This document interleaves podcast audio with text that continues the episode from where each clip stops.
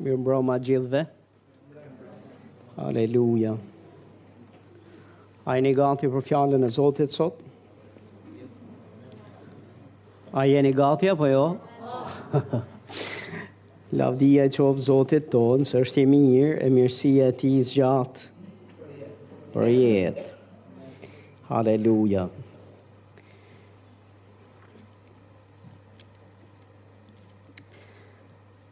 Le ta hapim Biblën së bashku tek Psalmi 40, vargu 1 deri tek vargu 2. Të shtunën që kaloi, ne kemi folur për këtë psalm. Dhe Kemi folur shumë gjëra me shumë peshë, me shumë rëndësi. Ajo çka do të dëgjoni sot është pjesa e dytë e asaj çfarë kemi folur të shtunën dhe ju lutem që të merrni një panoramë më të plotë, bëni mirë që ta dëgjoni të parën, pastaj të kaloni tek e dyta. Këto mund të rrinë edhe veç e veç, nuk është problem, mund të rrinë dhe veç e veç si mesazhe, Por, do ishte më mirë të merret e gjitha e plotë. Psalmi dyzet vargu një thotë, Unë kam pritur me ngulm dhe me durim Zotin. Ai u përkul mbi mua dhe dëgjoi britmën time. Më nxori jashtë nga gropa e shkatërrimit, nga një gropë shkatërrimi, thotë, nga balta e moçalit, i vendosi këmbët e mia mbi një shkëmb dhe i ka bërë të qëndrueshme hapat e mia. Ky është Perëndia ynë. S'ka rëndësi pse je gjendur në baltën e moçalit apo në gropën e shkatërrimit. Nuk ka rëndësi, pastor, që t'i vëmë emër dhe titull llojit të gropës në të cilën ti ndodhesh. Ka më tepër rëndësi që të marrim frymën e këtij mesazhi, çfarë duhet të bëjmë? Çfarë duhet bërë është ti duhet duhet t'i drejtohesh Perëndisë. Dhe kur i drejtohesh Perëndisë, ai do të përkulet, do të të dëgjojë, do të të nxjerrë nga ajo gropë, do të bëjë që këmbët e tua të vendosen në shkëmb dhe do të bëjë të qëndrueshme hapat e tua.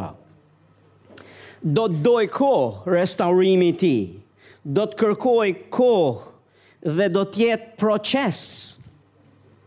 Shumë herë besimtarët kanë mbas një serie vendimesh dhe ngjarjesh dhe Gjërash që kanë ndodhur e gjejnë veten në gropë, po kur duan të dalin, duan që të fshihet çdo gjë mbrenda çastit, mbrenda momentit, dhe nuk mund të fshihet çdo gjë në çdo rast.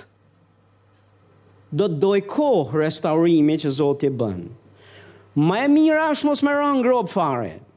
Po kur bie dhe e gjen veten atje, thash, nuk ka rëndësi, s'ke nevojë me i vënë titull dhe emër dhe as ke pse hyn të bësh studime, Të bësh studime të thella, si e ka emrin gropa në cilën ti ndodhesh.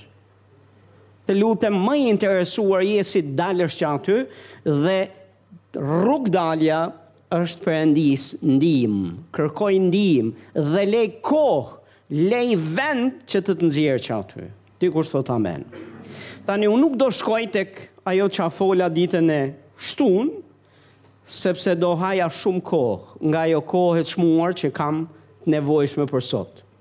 Por dua të ndaloj pak tek pjesa për mua, pjesa më me peshë dhe me rëndësi e gjithë këtyre vargjeve këtu, kur vjen puna për punën e veprën e Zotit. Vepra e Zotit është që Ai të përkulet, të të nxjerrë ty nga gropa dhe balta, të të vendosë ty në shkëmb, por jo vetëm aq, Puna e Zotit është jo vetëm të të nxjerrë nga gropa, po është edhe t'i bëjë hapat e tua të qëndrueshme. Dhe në qoftë se ti sheh këtë fjalë me kujdes, është duke folur të të vendosë ty në një vend të sigurt dhe të bëjë që ti të kesh një ecje pa u rrëzuar, pa rrëshqitur, pa u penguar. Në mënyrë që mos ta gjesh më veten në baltë e mos ta gjesh më veten në gropë. Shumicën e kohës në trup më rezulton që besimtarët janë kanë master për gropa, master për baltat e moçalit. Dhe shumicën e kohës duket sikur besimtarët janë rrethërrotull këtij kësaj lloj lugine, në këtë lloj në këtë lloj pellgu në mund ta them kështu. Janë kanë master si qahet, si vajtohet, çfarë bëhet dhe ta shohin veten nga kjo Zoti nuk na ka thirrur të jetojmë në gropë dhe të kemi një stil jetese gropash dhe balte ku qoftë dhe Perëndis, Perëndia na nxjerr ne që aty. Perëndia nuk është interesuar veç të na nxjerrë që aty. Perëndia do që ne të kemi një stil jete ku nuk bijem fare aty. Kemi një stil jetese ku ne nuk biem asnjëherë aty, ku nuk rrëshqasim më.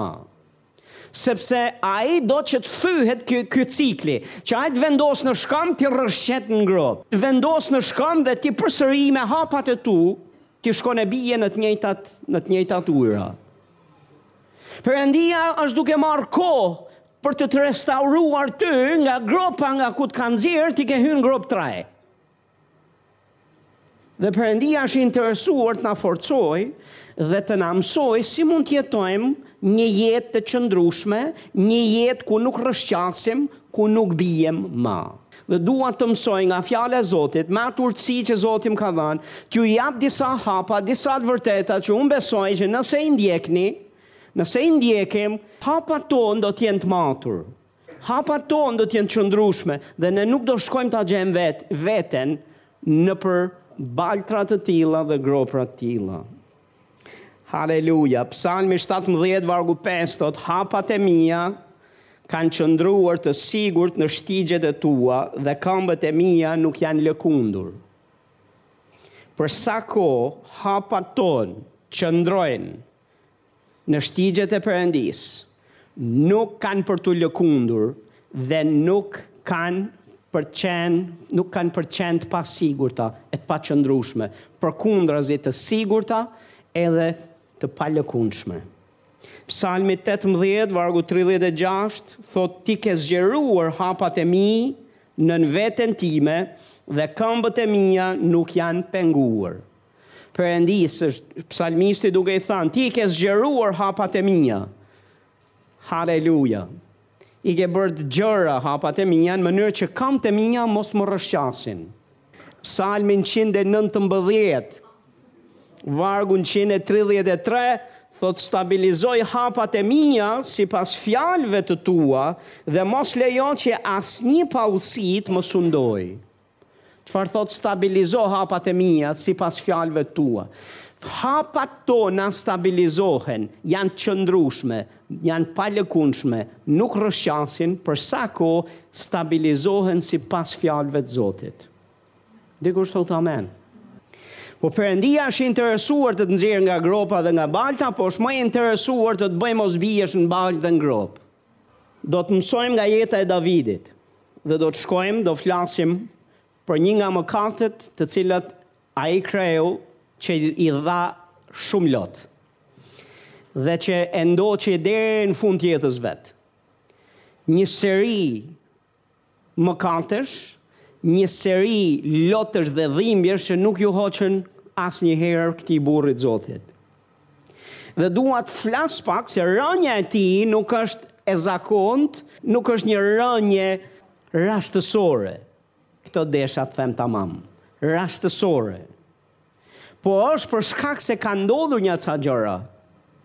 Dhe unë dua të mësoj për ato gjëra sot, në mënyrë që të jemi ne të ruajtur mirë dhe të kemi kujdes për hapat tonë. E dyta e Samuelit 11, vargu 1 deri tek vargu 5.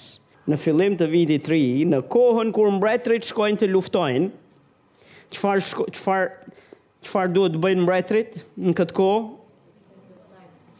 Thotë në kohën kur mbretërit shkojnë të luftojnë. Davidi dërgoi Joabin me shërbëtorët e tij dhe me tërë Izraelin për të shkatërruar vendin e bijve të Amonit dhe për të rrethuar Rabahun, thotë por Davidi Vetë mbeti në Jeruzalem. Dhe po ta shihni këtë fjalën mbeti, nuk është një mbetje rastësore, është një mbetje sepse i deshi qejfi të rrijë. Është zgjedhja e tij që të rrijë. Ndenji në Jeruzalem. Një mbrëmje thotë u ngrit nga shtrati i tij, që do të thotë jo veç që ndenji në Jeruzalem, Po ishte duke fjetur gjumë. Dhe çfarë thotë? Një mbrëmje u ngrit nga shtrati i tij dhe filloi të shëtisë në taracën e pallatit mbretëror. Nga taraca, thotë, pa një grua që po bënte banjo, dhe gruaja ishte shumë e bukur. Kështu, thotë, Davidi dërgoi të kërkojë informata për gruan dhe i thanë, Është Bathsheba, bija e Eliamit bashkëshortja e Hiteut Uriah. Davidi dërgoi lajmëtarë për ta marrë. Kështu ajo erdhi tek ai dhe ajo ra në shtrat me të, pastaj u pastrua nga papastërtia e saj dhe u kthye në shtëpinë e vet. Vargu pesë thotë gruaja mbeti me barrë dhe ia njoftoi Davidit duke i thënë jam me barrë. Çfarë ka ndodhur? Davidi mëkaton, dhe ky mëkat nuk është i vetmi, sepse ne shohim që për të fshehur këtë mëkat, i lindi një ide tjetër, të bëjë një mëkat akoma më të thellë, të mbulojë mëkat me mëkat. duke menduar se kjo gjëja këtu nuk do dilte asnjëherë në sipërfaqe. Dhe ne shohim që ai përsëri i dërgon lajmëtarë, të njëjtët lloj lajmëtarësh që i dërgoi për të sjellë Bathshebën në pallatin e tij mbretëror për të bërë atë që bëri, i dërgon pas burrit të saj. Dhe Bibla thotë që i kurdisi atij një vdekje Një vdekje martiri. Në të vërtetë, e çoi vetë drejt vdekjes. Davidit i lindi ky fëmijë, dhe ky fëmijë i vdiq, sepse Perëndia u betua dhe tha, Ai fëmijë nuk do të jetojë. Dhe edhe pse u lut, edhe pse qau, edhe pse kaloi shumë kohë në dhimbje, agjëroi Përpara Perëndisë nuk pati kthim, kjo gjë pat pasoja. Nuk është e vetmja pasojë që i erdhi Davidit. Për shkak të këtij veprimi i ndodhën një seri një seri pasojash në familje, edhe që ndikuan jo vetëm gjendjen e tij emocionale dhe si njeri, po edhe probleme në familje, probleme edhe në mbretëri. Pak më vonë ju shihni që një prej fëmijëve të tij Është Absalomi, dhe Absalomi donte të vriste Davidin, babain e vet.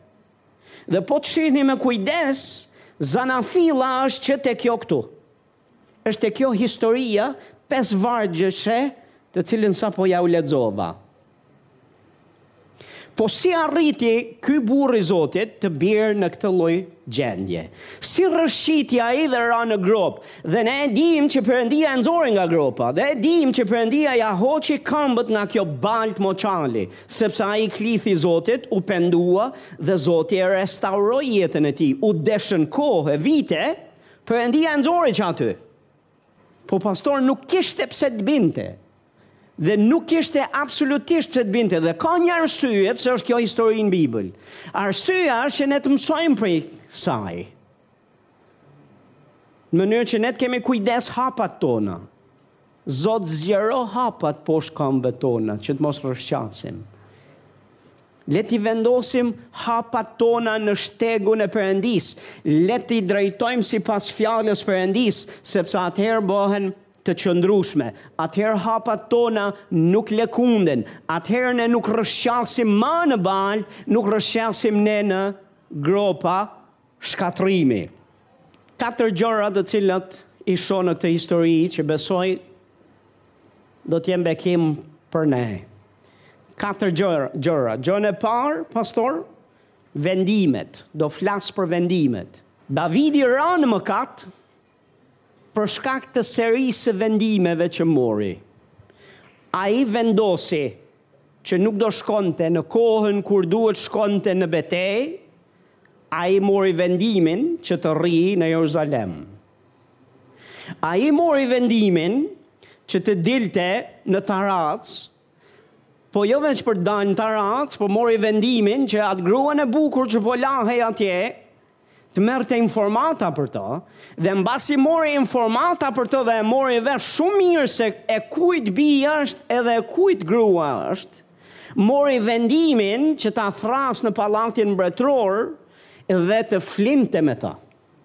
Mori vendimin gjithashtu rrugës Për të shkuar, komplotuar dhe për të bërë që të vdiste bashkëshorti Uriahu, bashkëshorti i kësaj gruaje.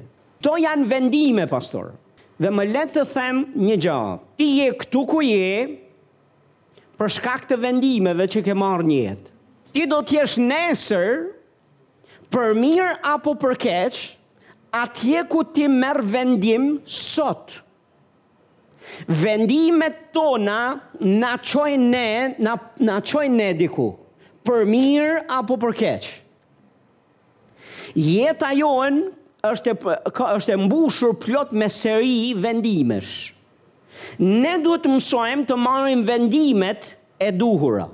Vendimet janë rezultat i zgjedhjeve tona. Vendimet që marrim janë rezultat i zgjedhjes tonë, i vullnetit tonë. Ne zgjedhim, pa vendosim. Dhe që të vim në pikën e vendosjes, gjithmonë është një proces me llogarie, është një llogaritje në mendje, një llogaritje në zemër, është një proces ku ti ndalon dhe bën llogari të rrethanave, të mendimeve, të ngjarjeve, të gjërave, në bazë edhe se si ti i koncepton ato, po në fund ti arrin në përfundime dhe ti arrin në vendim. Po vendimet e duhura të çojnë në destinacionin e duhur. Vendimet e gabuara të çojnë në destinacione ku do të doje të pendoheshe. në destinacione lotësh, në destinacione dhimbjeje dhe destinacion të padëshiruar për ty në të ardhmen. Janë vendime këto që mori Davidi. Vendimi i parë në dukje nuk duket i rëndë. Është thjesht nuk po shkon në luftë. Mirëpo, ishte detyra e mbretit që të ishte në fakt në luftë. Nuk ishte normale që ai të rrinte në Jeruzalem, në pallatin e tij mbretëror, ndërkohë që të tjerët ishin duke luftuar atje në betejë. Nuk ishte normale për mbretin që të ishte në shtëpinë e vet, në rehatinë e vet. Kjo në dukje duket sikur është thjesht një vendim Një vendim jo shumë i rëndë, mirëpo ky lloj vendimi një hap një hap pranë pranë ujërave dhe rrëshqitja është më e madhe. E di, më leni t'ju them një gjë, shumë njerëz të Zotit rrëshqasin dhe bien. Dhe kur them njerëz të Zotit nuk po flas njerëz të Zotit si puna ime apo njerëz të Zotit që kanë një lloj pozite në trup. Jam duke folë për gjithë njerëzit e Zotit. A e dini pse? Sepse shumica e besimtarëve, apo shumica e njerëzve të Zotit, ecin këtu te ky cepi. Dhe sa e lehtë është që ti të biesh nëse ecën këtu. Është shumë më e vështirë në qoftë se ti ecën këtu. Dhe ecja jote, ti ke territor të sigurt rreth e rrotull vetes, që edhe po rrëshqite maksimumi ke rënë, ke rënë prapë në territor të sigurt. Po në qoftë se ecën këtu, Pastor mundësia për për t'u rrëzuar dhe për të rrëshqitur është e madhe. Nuk e di për ju, po mbaj mend kur kam qenë i vogël, nuk e di a keni pas ju këtë lloj jete apo jo, ne kishim një ca rezervuare që i kishte bërë partia në atë kohë, edhe çdo vit, fatkeqësisht, mbytej një i ri. Mbaj mend një herë që më kishin thënë të shtëpisë, familja, prindërit, jo vetëm thënë, thënë me gojë, ma kishin thënë dhe me thupër, po nuk kisha dëgjuar. Dhe më thonin që shiko, Fatmir mos mos shko sepse kështu kështu a nuk jeni duke nuk po dëgjon. Mbaj mend që shkova një herë dhe isha vetëm dhe shkoj tek bregu i i rezervuarit. Dhe ndërkohë që isha aty, shkova thash aty afër ta prek pak atë ujin. Edhe shkova duke prekur pak ujin, po aty sa më afër ujit ishte më rrëshqitëse. Dhe doni, doni ju që më rrëshqita dhe rash n'ujë dhe not nuk dija, më kapi edhe paniku dhe unë po mbytesha, mos të kishin qenë nja dy kalimtarë që duke kalu aty përreth, që të hynin për të më nxjerrë që atje, pastori juaj do, do ishte, nuk do ishte. Thjesht sepse isha duke lozur dhe mendova se s'ka naj gja se unë jam i fortë mjaftushëm dhe unë nuk rrëshqas. Pastor nuk duhet me shku fare afër gjërave që janë me rrezik. Rri, bëje zakon të rrish larg këtyre rreziqeve dhe mos mendo se ti je i fortë dhe ti di not, Dhe ti mund t'ia dalësh sepse ti nuk e di. Mos shko nëpër vende ku ka ku tundimi është i madh. Ky burrë mori vendimin për të ndenjur aty. Pastaj mori vendimin tjetër, pastaj mori vendimin tjetër. Shumë besimtarë kur bien thonë rashë pa dashje. Nuk ke ra pa dashje. Mëkati nuk kryhet kurrë pa dashje. Mëkati gjithmonë ka dashje brenda, sepse është një proces përpara se të biesh. Dhe është një proces në cilin besimtari zgjedh për të marrë vendimin e gabuar, dhe mbas vendimit gabuar vjen rezultati. Ka shumë rëndësi Pastor, të mësosh të marrësh vendimet e duhura në jetë. Dhe për këtë do të flas. Të mësosh të marrësh vendimet e duhura në jetë. Proverbat katërmbëdhjetë vargu dymbëdhjetë thotë është një rrugë që njeriut i duket e drejtë, por në fund ajo të nxjerr në rrugët e vdekjes. Proverbat njëzet e një vargu dy thotë çdo rrugë e njeriut është e drejtë në sytë e tij, por Zoti është ai që i peshon zemrat. Proverbat njëzet e katër vargu njëmbëdhjetë deri në dymbëdhjetë thotë, Çliro ata që i tërheqin drejt vdekjes dhe mbaj ata që po i çojnë në thertore. Po të thuash, Ja ne nuk e dinim, Ai që peshon zemrat, a nuk e shikon? Ai që ruan shpirtin tënd, a nuk e di vallë? Ai do t'i japë secilit simbas veprave të tij. Ça lidhje kanë këto vargje me këtë që jam duke folë? Kanë shumë lidhje, pastor. Sepse zemra jonë, zemra jonë përbrënda nesh, ne mund të jemi duke thënë e menduar një gja dhe në sjellje mund të jemi duke bërë komplet një gja tjetër. Dhe ne në sytë tanë mund të jemi duke menduar se jemi duke bërë gjënë e duhur, rruga jonë është e drejtë në sytë tanë dhe në fakt jetë komplet e padrejtë, dhe e pasigurt në sytë e Zotit i cili peshon edhe zemrën dhe që di përtej syve tanë, gjykon përtej aftësisë tonë për të kuptuar diçka. Është njerëzore që të njeriut t'i duket rruga e tij e drejtë. Është njerëzore që njeriu në sytë e vet të justifikojë rrugët e veta, në natyrën e vet që njeriu të përpiqet të fshehë në zemrën e vet një realitet komplet ndryshe nga ajo çfarë duket qoftë në sytë e vet, qoftë në sytë e të tjerëve. Por çfarë thotë shkrimi Perëndia sheh dhe peshon çfarë? Domethënë, Perëndia thotë Kjo rruga që është e drejtë në sytë e tu, mund të jetë në sytë e tu, po jo në të miat. Kjo rruga e cila është e justifikuar në sytë e tu, mund të jetë e mirë justifikuar për ty, po jo për mua. Gjithashtu kjo që ti po përpiqesh ta fshehësh dhe servirësh sikur si diçka të rregullt dhe të mirë dhe të drejtë si sjellje, siç e shohim tek proverbat, që sa lexuam këtë proverbin e fundit, thotë Ai që ruan shpirtin tënd a nuk e di vallë? Ai që peshon zemrat a nuk shikon? Që do të thotë Perëndia shikon tek zemra jote, Perëndia shikon brenda në shpirtin tonë dhe ai aty dallon gjëra të cilat nuk i shikon dot njeri tjetër. Po ai po, edhe ti po. Le të themi bashkë, ai po, po edhe unë po. Çfarë duhet bërë pastor në këtë rast? Në këto tre vargje të cilat flasin kaq shumë. Një herë e para mos e mbaj veten për ditur në sytë tu. E para thashë mos e mbaj veten të ditur në sytë e tu dhe rrugët e tua mos hy shpejt për të justifikuar dhe për t'u mbajtur sikur rrugët e tua janë rrugë rrugë të pagabueshme, sepse ekziston mundësia e gabimit në to. Dhe shumica e njerëzve të Zotit bien sepse nuk ndalojnë për të gjykuar kjo rruga që po marr, ky hapi që po hedh, a është vendimi i duhur, a është gjëja e duhur? Dhe janë shumë të shpejtë dhe shumë të hirshëm për të përkdhelë veten se rruga e vet është e është gjëja e drejtë, kur në fakt fëmijët e Zotit, njerëzit e Zotit duhet të ndalojnë, nuk duhet të nxitojnë, po duhet të ndalojnë dhe të kalojnë pak kohë të mendohen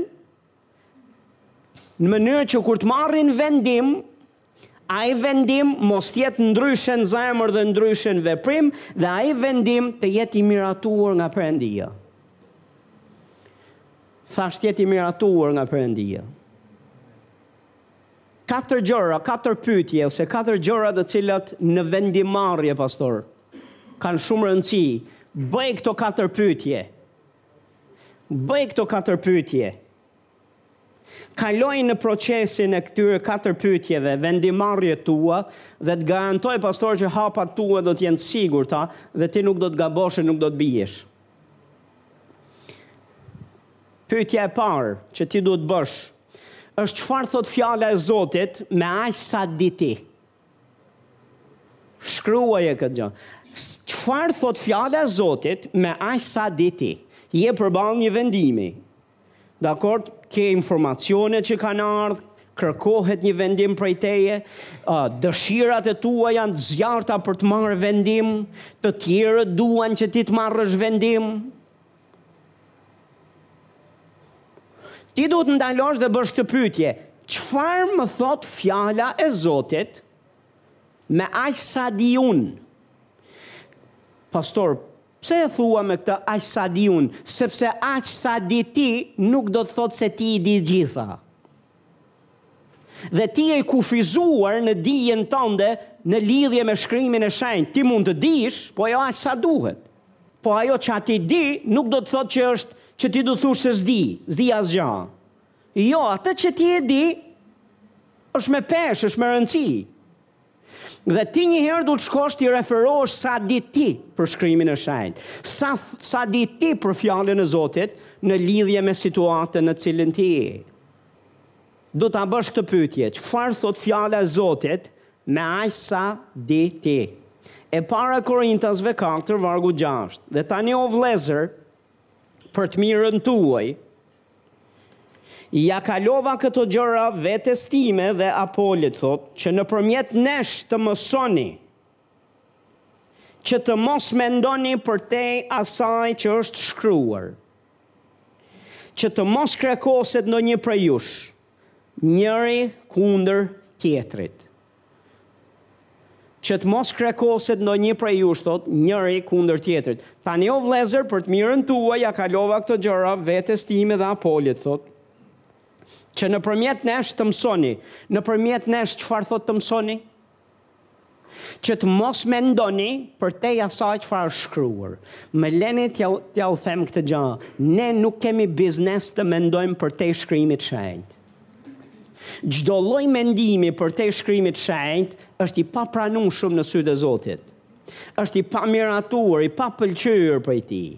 Dhe ne, nëse duam që hapat tona të jenë të sigurta, bëhen të sigurta vetëm sipas Fjalës Zotit. Jashtë Fjalës Zotit, jashtë Shkrimit të Shenjtë nuk ka siguri për jetën tonë. Dhe kur ti je duke bërë, je duke marrë një vendim, Ti duhet ta bësh këtë pyetje, Çfarë është shkruar në Fjalën e Zotit? Ajo që më kërkohet të marr si vendim, ose atë çfarë unë dua të marr si vendim, a e miraton Fjala e shkruar e Perëndisë? Dhe Fjala e shkruar e Perëndisë është ky libri këtu. të cilin Zoti na e ka dhënë ne në dorë, ka dhënë dhe mësues e shërbyes të Zotit, të cilët e mësojnë këtë fjalë në mënyrë që ti të dish se çfarë është shkruar. Çdo gjë që është përtej shkrimit nuk ka bekimin dhe miratimin e Perëndisë dhe pëlqimin e Perëndisë. A jeni duke dëgju, çdo gjë që është jashtë Shkrimit të Shenjtë dhe në kundërshtim me Fjalën e Zotit, me Shkrimin e Shenjtë, nuk ka miratimin e Perëndisë. Shumica e debateve, shumica e denominacioneve, shumica e përplasjeve në trupin e Krishtit janë përtej Shkrimit të Shenjtë. A jeni duke dëgju sepse ka interpretues të cilët seç mendojnë se ka një thellësi të madhe rreth Fjalës së Zotit dhe dalin jashtë Shkrimit. Shkrimi i Shenjtë është i thjeshtë dhe nuk ka nevojë për interpretues. Interpreton vetë veten. Dhe ata të cilët e njohin natyrën e Perëndisë dhe e njohin zemrën e Zotit dhe e njohin Biblën, ata nuk marrin kurrë luksin e interpretimit personal. Gjithmonë shohin çfarë thotë Shkrimi i Shenjtë. Dhe nëse Shkrimi i Shenjtë të miraton një thotë një gjë, atëherë ti e ke marrë përgjigjen. Më le të them këtë gjanë që do t'ju ndihmojë. Në qoftë se ti e di se çfarë fjala e shkruar thotë, e zeza në të bardhë, ti e di ça fjala e Zotit thotë për situatën në të cilën ti je. Pastaj, ti nuk ke nevojë të pyesësh askënd më. Ti nuk ke nevojë të bësh asnjë lutje më përpara Zotit dhe t'i thuash, Çfarë mendimi ke? Sepse në fakt mendimin e ka shpalos në Bibël. Ti nuk ke nevojë ma të ndjekësh dhe këto hallka të tjera që do të them më mbrapa, sepse çdo ndjekje mbas atij çasti nuk është asgjë tjetër veçse ti je duke dobësu veten tënde dhe je duke kërku për një alternativë ndryshe nga ajo çfarë është shkruar. Pyetja ime është a s'të mjafton ajo çfarë është shkruar? Dhe gjithmonë e gjejmë veten telashe kur kërkojmë gjëra përtej shkrimit të shenjtë. Shkrimi i shenjtë është autoriteti parësor dhe kryesor në Zotin. Ai e ka vendos fjalën e vet mbi vetë emrin e tij. Dhe nëse ka thënë një gjë e zeza në të bardhë, kush jemi ne që t'i shtojmë a t'i heqim naj gja asaj çfarë është shkruar dikush thotë amen a është e qartë Pyetja e parë në vendimarrjen tënde duhet të jetë e tillë, çfarë thotë shkrimi i shenjtë me aq sa di unë? Sepse do ketë plot raste pastor që ti do t'i dish përgjigjet. Po do kesh plot raste ku ti sado të shtrydhësh mendjen tënde. Dhe sado të përpiqesh me për përgjigjen, ti nuk do ta dish përgjigjen, se është përtej teje. Se nuk e ke o nuk e ke dëgjuar, o nuk e ke parë, o nuk e nuk të është mësuar një e vërtetë që është e shkruar, është e shkruar, është e zbuluar për dikë tjetër, për ty jo akoma. Në kushte të tilla ça duhet të bëjmë? Pastor e bëra pyetjen, çfarë është shkruar? Me aq sa di unë nuk e gjej dot se ça është shkruar. Nëse arrin te ky përfundim, kalo tek pyetja e dytë.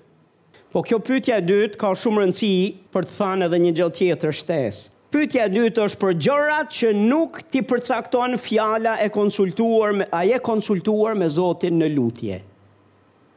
Domethënë, edhe një herë ta bëj këtë pyetje. Për gjëra që nuk t'i përcakton fjala e Perëndisë.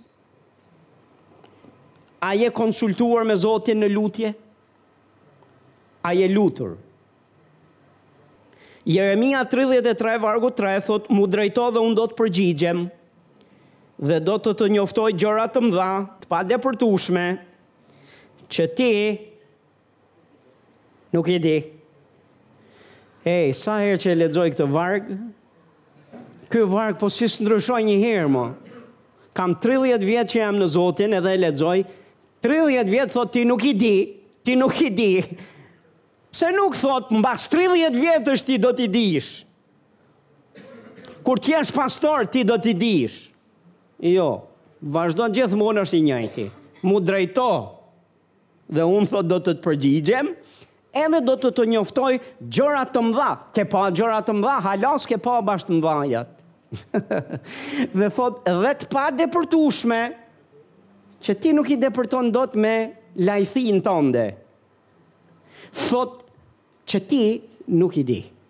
Qa do, çar thotë shkrimi? Mu drejto, kujt me iu drejtu? Domethënë, kujt t'i drejtohemi? Në rregull. Tani pastor. E pyetja e tretë, unë do t'ju mësoj se si duhet t'i drejtoheni njeriut. Për ato gjëra që ju nuk i dini. Se me aq sa e dini shkrimin ju, në qoftë se ju e dini dhe është e zeza në të bardhë, ju lutem s'ke nevojë me pyet as Perëndinë dhe as njeriun. Por, Në qoftë se ti e ke lexuar në shkrim, dhe me aq sa di, ti nuk e gjen dot përgjigjen, ti ke të drejtën për të pyet njeriun, po përpara se ta pyesësh njeriun, bëjmë mirë ta bëjmë zakonin e mirë ti drejtohemi Perëndisë të parit. Sepse po ju drejtove Perëndisë të parit, ai do të sigurohet që të të ndimoj,, të ndihmojë dhe njeriun të të japë përgjigjen ty, po do të të ndihmojë gjithashtu të të ruajë dhe nga njerëz që do të japin përgjigjen e gabuar ty. Po në qoftë se e nxjerrim nga skena Perëndinë dhe nuk konsultohemi me të fillimisht dhe nuk i lutemi atij për nevojën që kemi për përgjigje, atëherë do ta gjejmë veten tonë në mëshirë të njerëzve. Dhe më lër të të them një gjë, dëshira e frymës shenjtë nuk është që ne të jetojmë një jetë të pavarur prej Perëndisë. Në fakt, më e varur se sa kurrë tek Perëndia, se sa te njeriu. Varësia me Perëndinë është parësore, pastaj vjen varësia te njeriu. Thotë mu drejto, nuk thotë shko drejtojuni njerëzve të mi, mu drejtoni mua. Dhe unë thotë do të përgjigjem. Pastaj kë përdor ai, është puna e tij. Po ai sigurohet që do të ta japë përgjigjen. Për nevojat tua, kur ti ke nevojë me marrë një vendimmarrje, dhe nuk e di ça është shkruar në fjalën e Zotit. Po gjithashtu, duhet të dish edhe një gjë që fjala e Zotit nuk përcakton çdo gjë me të shkruar aty. Më le ta jap shpjegimin. Fjala e Zotit thashë nuk jep gjëra të kësaj natyre. Për shembull, emri Mario e keni lexuar ndonjëherë në Bibël? E ke lexuar emrin tënd në Bibël ndonjëherë? S'e ke lexuar. Shumë prej emrave tanë nuk janë emri im s'është aty në Bibël, nuk e di pse sa. Po nuk është Dhe me sa kam me sa kam lexuar unë në fjalën e Zotit nuk e gjej askund se biri i kujt jam, ku kam lindur, ku do ça do bëj, ça kam ça thirrje ka Zoti për mua, me kë do martohem, sa fëmijë kam, gjitha këto gjëra nuk i kam këtu. Ku banoj, ku do të banoj, ku do të shërbej, që do shërbej në Thuman, që do shërbej në Tiran, që mbas këtu hapat e tjerë ku janë, nuk janë të përcaktuara në Bibël, as për mua, as për ty. Po kemi parime të cilat ne na orientojnë. Është plani i zbuluar i Perëndisë në shkrime për jetët tona dhe kemi parimet e shtegut, pastaj këto detajet na i tregon fryma e Zotit personalisht vetë. Po në qoftë se ne nuk i drejtohemi atij me lutje, atëherë pastor jemi në mëshirën tonë, do jemi duke marrë vendime bazuar në konceptet tona. E prandaj gabojmë. Me kë do martohesh, ça pune duhet të marrësh, ça pune duhet të refuzosh, ku duhet ta kesh shpinë, pse pastor duhet edhe për këtë me e pyet Zotin, oh pastor, ngjo mu. Pyte. Pyte. Bën mirë ta pyesësh. Jakobi një pesë thotë, por në qoftë se ndonjërit nga ju i mungon urtësia, dhe kur thotë kjo në qoftë se ndonjërit nga ju i mungon urtësia, nuk është duke thënë se shiko ju jeni shumë të ditur, s'ka për t'ju ndodhur kurrë, Po e ka në sensin që shiko, kur je përballë një situate që s'di çfarë të bësh, thot le ta kërkojë nga unë si pastor Jakobi. Hajdeni te unë, se jua jap gjitha përgjigjet e jetës. Thot shko kërko tek Perëndia. Thot që u jep të gjithëve pa kursim, pa qortuar dhe thot atij do t'i jepet. Gjoni katërmbëdhjetë vargu njëzet e tre dhe njëzet e katër, Atë ditë ju nuk do të më bëni më asnjë pyetje. Në të vërtetë, në të vërtetë, po ju them se çdo gjë që do t'i kërkoni Mirgenit në emrin tim, ai thotë do t'jua japë. Deri tani ju s'keni kërkuar asgjë në emrin tim, Po kërkoni dhe do të merrni që gëzimi juaj të jetë i plotë. Sa për jush doni që gëzimi juaj të jetë i plotë? Ati e bën të plotë gëzimin tonë dhe për përgjigjet që kemi nevojë në jetë, ne përdorim emrin e Jezusit drejt Atit dhe Ati na e jep përgjigjet. Kështu tha Jezusi. Amen? Atë ditë, tha, s'do më bëni asnjë pyetje. Ma. Po do ia drejtoni atit në emrin tim. Shumë e rëndësishme të konsultohesh me Zotin, të shkosh dhe t'i kërkosh Zotit përgjigje.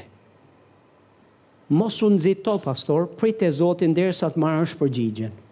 Mirë se ja kërkove, po Mos ji i agjituar e i nxituar sa ti të marrësh hapa me nxitim. Gjithmonë prit dhe jepi Zotit kohë të ta japë përgjigjen. Po mua më duhet përgjigja, më duhet përgjigja. Zoti e di që ty të duhet përgjigja. Në qoftë se ti je i agjituar në këtë formë, do t'ja bësh të vështirë dhe Perëndisë të të flasë, sepse ai do të ta japë përgjigjen, po para se të ta japë përgjigjen duhet të qetësohesh ti një herë, duhet të pushosh ti. E kam nda me ju një herë, po po e ritheksoj përsëri, se. I humbi ora në mulli njërit që kishte shku për të bërë miell. Dhe s'po e gjente dot orën, Kur e mori vesh mullixhiu, ndaloi atë gurin e mullirit dhe i tha mbylli sytë, rri në heshtje dhe tani vetëm dëgjo. Dhe ndërkohë që ishte në këtë gjendje, filloi të dëgjojë atë tik-tak, tik-tak, tik-tak të orës. Dhe shkoi e gjeti orën. Dhe shumë herë Perëndia dëshiron të na japë përgjigjet, po ne jemi shumë të nxituar, jemi shumë të zënë me panikun tonë, sa nuk e dëgjojmë zërin e Tij, nuk i lemë kohë që Ai të na flasë. Të lutem mos u nxito. Nëse është një gjë, një vendimmarrje, sidomos për gjëra me rëndësi dhe peshë, merr kohë. qetësisht dhe leje Zotin të ta japë përgjigjen. Nuk ka sikur Perëndia të mos ta japë përgjigjen. Për dikë që beson, përgjigja gjithmonë ka për të të ardhur. Mund të të mos vijë në mënyrën tënde, a në kohën kur ti e mendon, po më beso do të të vijë gjithmonë. Ti mund të jesh në këtë shërbesë sot siç ke ardhur, edhe ti je duke marrë përgjigje. A e ke vesh me i dëgju? Tani kalojmë te pyetja e tretë. Pyetja e tretë është nëse nuk di me siguri çfarë fjala e Zotit thotë dhe as çfarë po të thot Perëndia në lutje, nuk e di. Përsëri je në këtë pikë.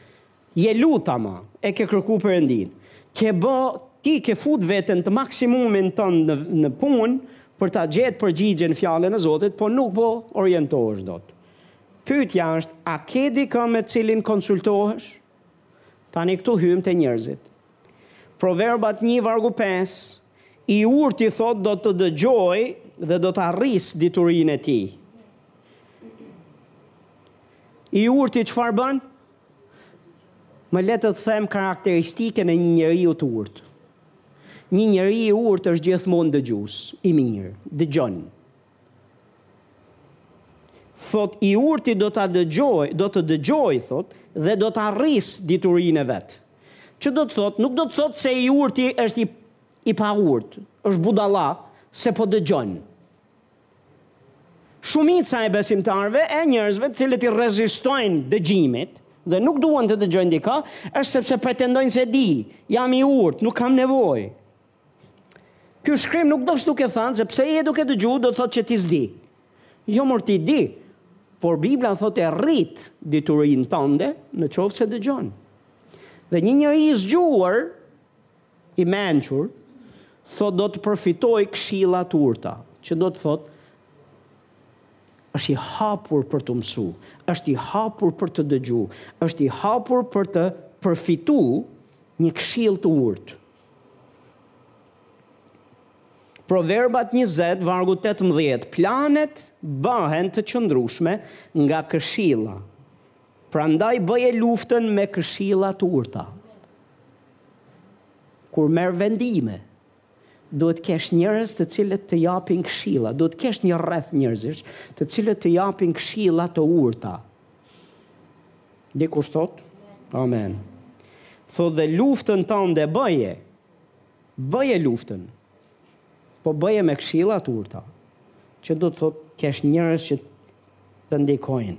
Proverbat njëzet e katër gjashtë, sepse me këshilla të urta do të mund të bësh luftën tënde dhe në numrin e madh të këshilltarëve është fitorja. Ku është fitorja?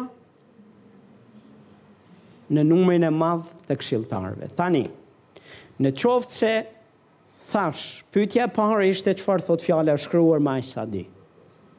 Pyetja e dytë është ti nuk e di se çfarë thotë fjala e shkruar, po gjithashtu edhe nuk di sepse nuk është shkruar ajo për të cilën kërkon në Bibël e zeza në të bardhë. Çfarë bën? Ti shkon në lutje tek Zoti dhe pret për përgjigjen e tij. Dhe kur të vijë përgjigja e tij, ti do ta dish dhe mbasi ta kesh do ta dish dhe do ta dish, atëherë është hapi për të vepruar. Pyetja e tretë është kjo që jemi duke folë. Çfarë sikur të mos e kesh? Këshilla të urta, këshilltar të urtë. Sepse ka njerëz, e di që mund të jetë e vështirë për ta menduar kështu, po besomni ka njerëz që mund të dinë gjëra ma shumë se ti e ma shumë se unë. Le të të them, ka njerëz të cilët dinë ma shumë se sa ti dhe unë veç e veç dhe ti dhe unë së bashku. Tani jemi më rehat? Dinë ma ma shumë dhe ka fusha në jetë të cilat ti mund të mos dish zero.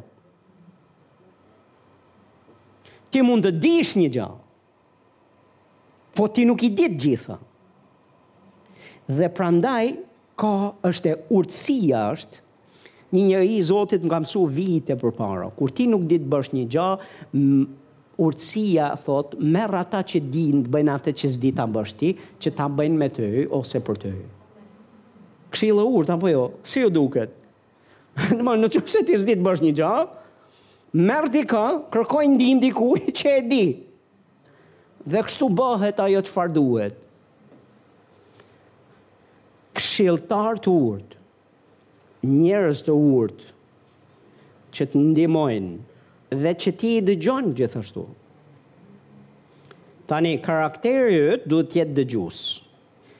Të përfitosh dhe mos të mos ta marrësh si kërcënim ndaj urtësisë që ke, diturisë që ke, këshillën që të jepet nga dikush. Por të përfitosh prej këshillave të urta, sepse kjo gjoja këtu të ndihmon ty. Tani, rrugës unë do të flas se ka disa njerëz të cilët nuk kualifikohen për të qenë këta këshilltarë, dhe duhet të rrijnë larg jetës tënde, sepse nën petkun e dhënies së këshillave të urta dhe nën atë idenë që ti duhet me dëgju shumë herë, njerëzit marrin pozita që s'jau ka dhënë kush dhe që s'jau ka dhënë as Perëndia dhe as ti. Dhe në kushte të tilla, jo pastor, jo gjithkush duhet të japë këshilla. Por ti Duhet të dish kë të afrosh afër. Kë të kesh afër dhe lum kush ka këshilltar të urtë rreth rrotull vetes vet. Dhe që i dëgjon ato këshilltar që janë rreth rrotull. Ama ka shumë rëndësi nga ana jonë që ne të jemi të hapur për të dëgjuar. A, një pastor në jetën time një herë më ka thënë këtë gjë. Edhe sikur djalli të të thotë një gjë, të të akuzojë, Ti mos e lejo mos e lejo dënimin që të të ul poshtë, por nëse ka të vërteta në ato gjëra që ai thotë, ti bëj ndryshimet. Me thënë të drejtën, shumë e urtë apo jo? Të dëgjoj djallin s'du me dëgju. Imagjino tani kur të shkon deri te kjo pikë, imagjino njeriun. Dhe njerëzit e Zotit, kushdo prej nesh? Duhet të jemi të hapur për të dëgjuar. Dhe të hapur për të marrë këshillat e urta. Se ka gjëra që s'i dimë, dhe ka gjëra të cilat Zoti do të na i kumtojë dhe ja përmes të tjerëve, përmes këshilltarëve të tjerëve rreth rrotull nesh. Po në qoftë se ne izolojmë veten dhe nuk lemë askënd të na flasë, po jemi duke gërmuar për të vërtetën, por jemi duke u lutur para Perëndisë për të vërtetën dhe nuk bëjmë kaq hap që është i thjeshtë, gjithashtu që të kemi njerëz që na që e hapim veten për të folur për gjërat që kemi nevojë për të marrë një vendim, pastaj ne mund të vuajmë gjatë kur përgjigjen e ke aty. Përgjigja është aty. Lufta e mirë bëhet me këshilla t'urta dhe në do të fitosh ej lavdi Zotit unë pys veç Zotin dhe askënd tjetër. Thash pastor Zotin t'parin. Po më lër të të them një gja t'urtë. Shumë herë Zoti nuk do të të flasë. Një pjesë e jona të cilët janë duke thënë pse nuk më flet Zoti mua? Pse e di pse Zoti të ka lënë në duart e këshilltarëve. A e di pse gjithashtu me të përul ty? Me të mësu një a dy gjëra, të cilat ti nuk i di mësu.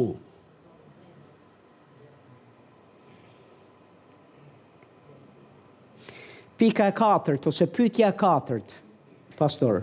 Pyetja e katërt dhe për këtë do flas edhe pak më shumë.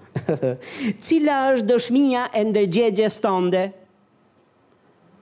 U, uh, kjo ka shumë rëndësi. Çfarë Dëshmie, çfarë të dëshmon ndërgjegja jote përbrenda për vendimmarrjen që ti po bëhesh gati të marrësh ose që e ke marrë? Ç'të thotë ndërgjegja jote? Zëri i ndërgjegjes,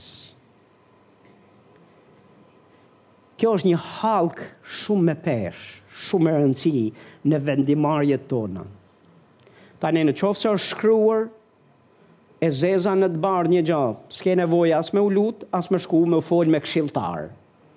Dhe as edhe nëse ndërgjegja jote përpiqet të ngrejë zërin, ti eduko ndërgjegjen tënde me fjalën e shkruar.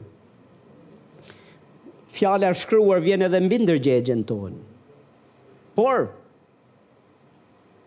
ka plot raste kur ne dhunojmë Të shkruarën, dëshminë e frymës, s'dëgjojmë këshillat e urta dhe hallka tjetër që ngelet është zëri i ndërgjegjes këtu përbrenda.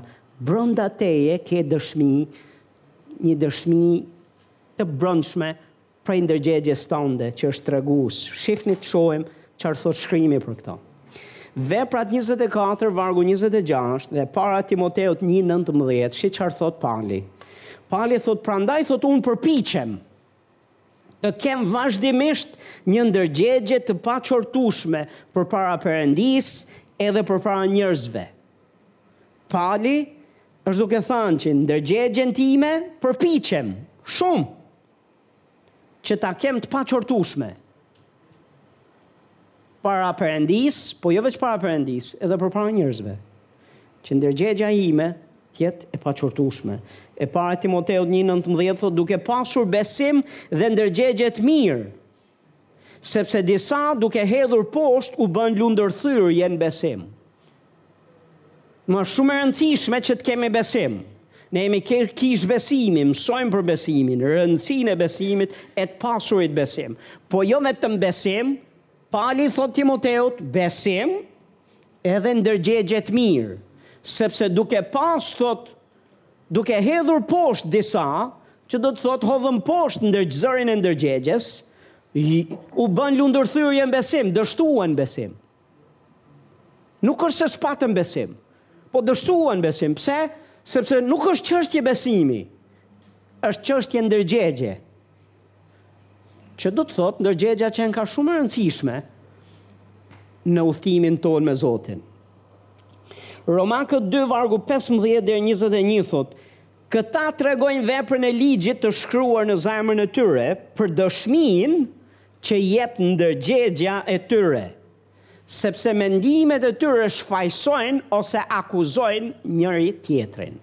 Më le të flas pak tani për ndërgjegjen këtu. Ndërgjegja është zëri i brendshëm që bën dy gjëra, ose të shfajëson ose të akuzon. Jo domosdoshmërisht akuzuesi është vetëm djalli, mund të jetë zëri i ndërgjegjes tënde, i ndërgjegjes time. Ndërgjegja, zëri i brendshëm, ndërgjegja është bekim nga Zoti. Dhe nëse ti sheh te Hebrenjtë, kapitulli nëntë, me anë të gjakut të Jezusit, Ai na e ka pastruar ndërgjegjen tonë nga veprat tona të vdekura. Pse? Sepse deshi ta pastrojë, në mënyrë që zëri i ndërgjegjes të jetë i pastër, zëri i ndërgjegjes të jetë i qartë. Ndërgjegja jonë të punojë dhe të funksionojë për të qenë bekim për ne.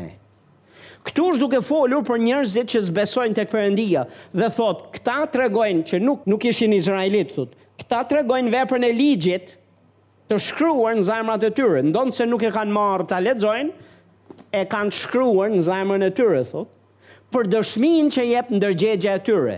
Ndërgjegja është zëri që tregon ça bën mirë e ça bën keq. Ça je duke bërë drejt dhe çfarë je duke bërë keq.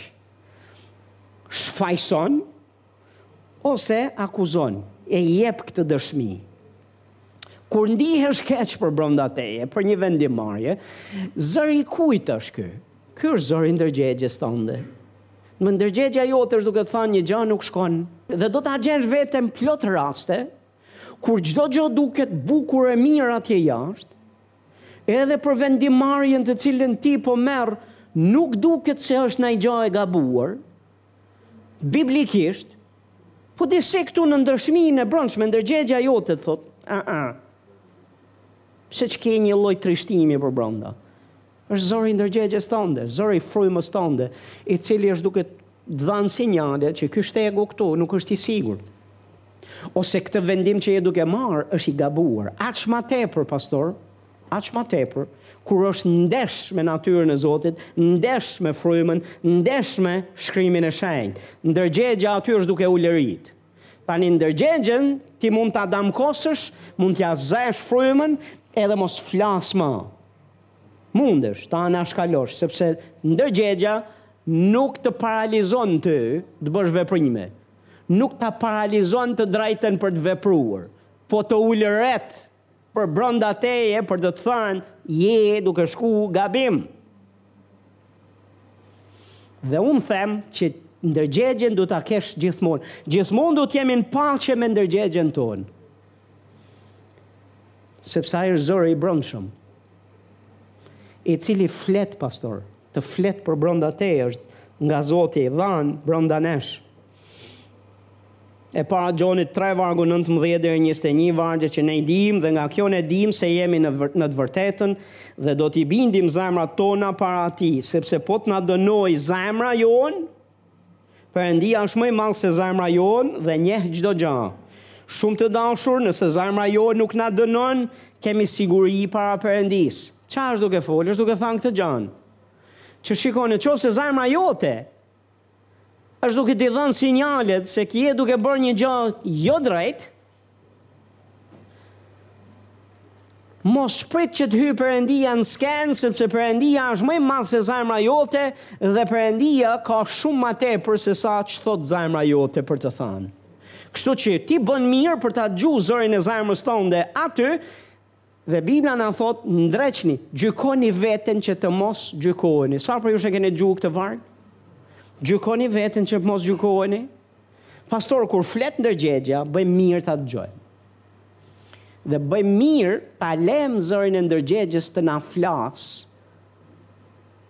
Dhe kur të na flasë, mos ti mos ta shuhim. Mos ta shohim si si si si armikun tonë. Janë këto katër hapa, pastor, nuk janë të vështira për t'i kuptu. T'jau përsëris së fundmi dhe e mbyllim për sot. Jeta jonë është një seri vendimesh. Sot dhe si do jetë nesër. Ti do jesh nesër dhe jeta jote do jetë nesër në bazë të vendimeve që ti merr.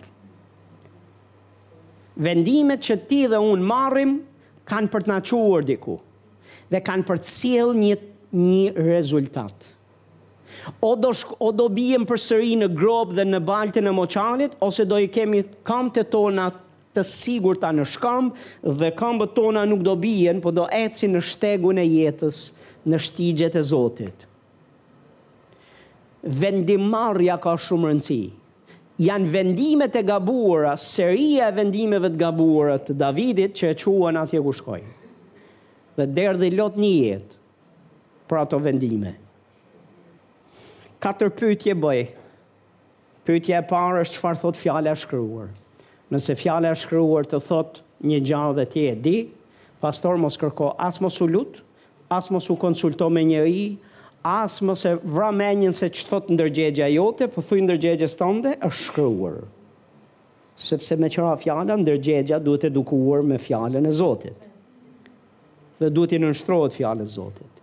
Dhe dëgjon ndërgjegja Kur vjen puna mes fjalës shkruar dhe zërit ndërgjegjes, pse, pse po thu këtë pastor, sepse ngjo, më dëgjoni t'ju them, ndërgjegjen tonë mund ta edukojmë me tradita njerëzish. Dhe pastaj, ndërgjegja jonë na vret kot. Dhe na flet kot. Thjesht sepse e kemi eduku me, me gjënë e gabuar.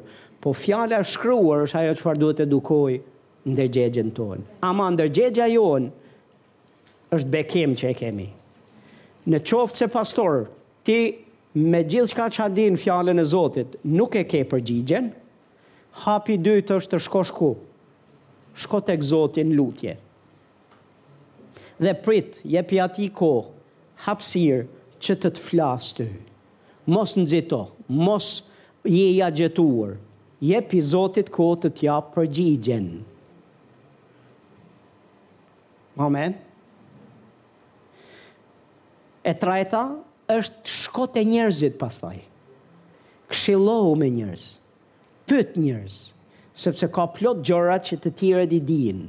Ka plot gjëra që njerëzit do t'i dijnë që i di edhe ti dhe kur t'i thonë ata, Nuk do të thotë se ti s'di, po thjesht përforcojnë dijet tua. Dhe nuk është fare ulëse kjo, ti nuk po ul veten tënde, se more një këshillë të njëjtë me atë ça beson ti.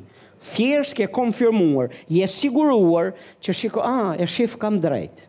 Po ka plot gjëra që këshilltarët e urtë, ka njerëz të urtë të cilët dinë ma shumë se ti dhe do të të japin ty ca këshilla të cilat do të të ndihmojnë ty në jetë.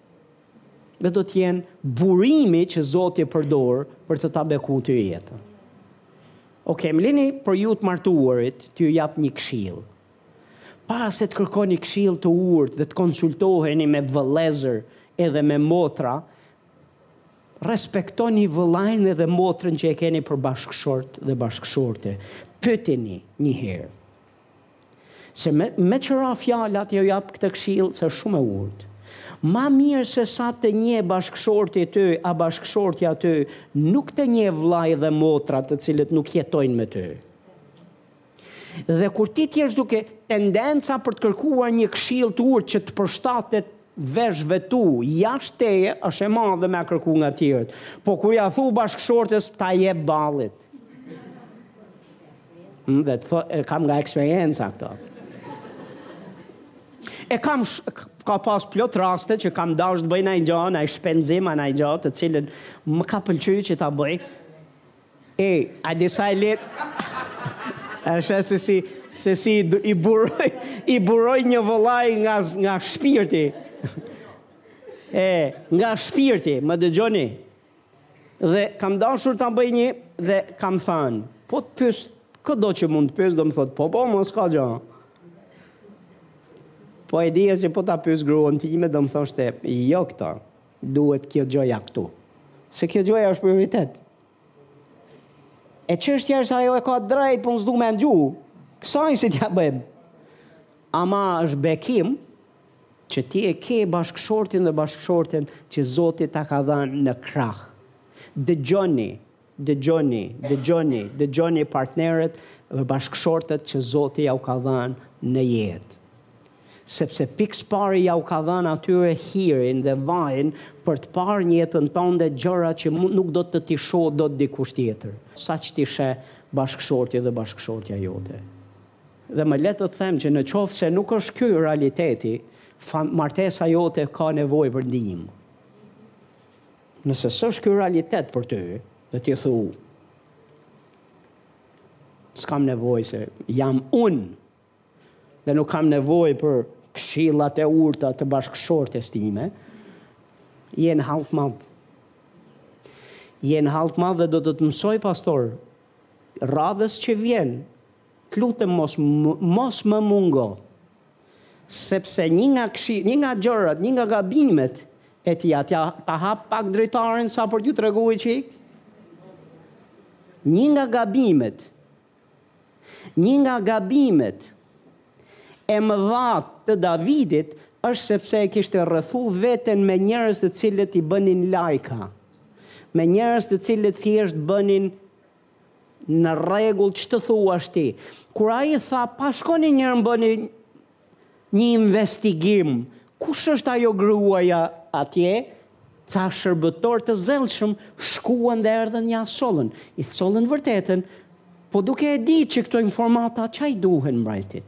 Okej, kishte ca shërbëtorë, a ishin të njëjtët, a ishin ca të tjerë, Davidi e di. Bibla nuk na e thotë a janë të njëjtët a jo, por Bibla thotë që ai dërgoi njerëz ta marrin Bath Shebën, ta sillnin në pallatin mbretëror. Dhe kishte shërbëtorë të cilët e pastruan e bënë gati Bath Shebën që të hyjë e të flejë me mbretin. Po si s'u gjend një burrë, një grua që t'i thotë, o, David, po bën gabimin e jetës, ndal, mos mëkato, mos e hidh këtë hap, se do derdhësh lot një jetë. Pse s'u gjend një, një dikush aty? Pse thjesht Sepse Davidi, në fakt, ata që gjendeshin për këtë punë, i kishte çuar në luftë. Në pallat kishte mbajt ata të cilët i bënin fresk. Dhe që ai nuk i dëgjonte po veç e dëgjonin. Dhe është fatkeqësi e madhe për këdo prej nesh, që t'jemi të rrethuar me njerëz të tillë. Dhe është tendencë njerëzore që ta rrethosh veten me njerëz të tillë.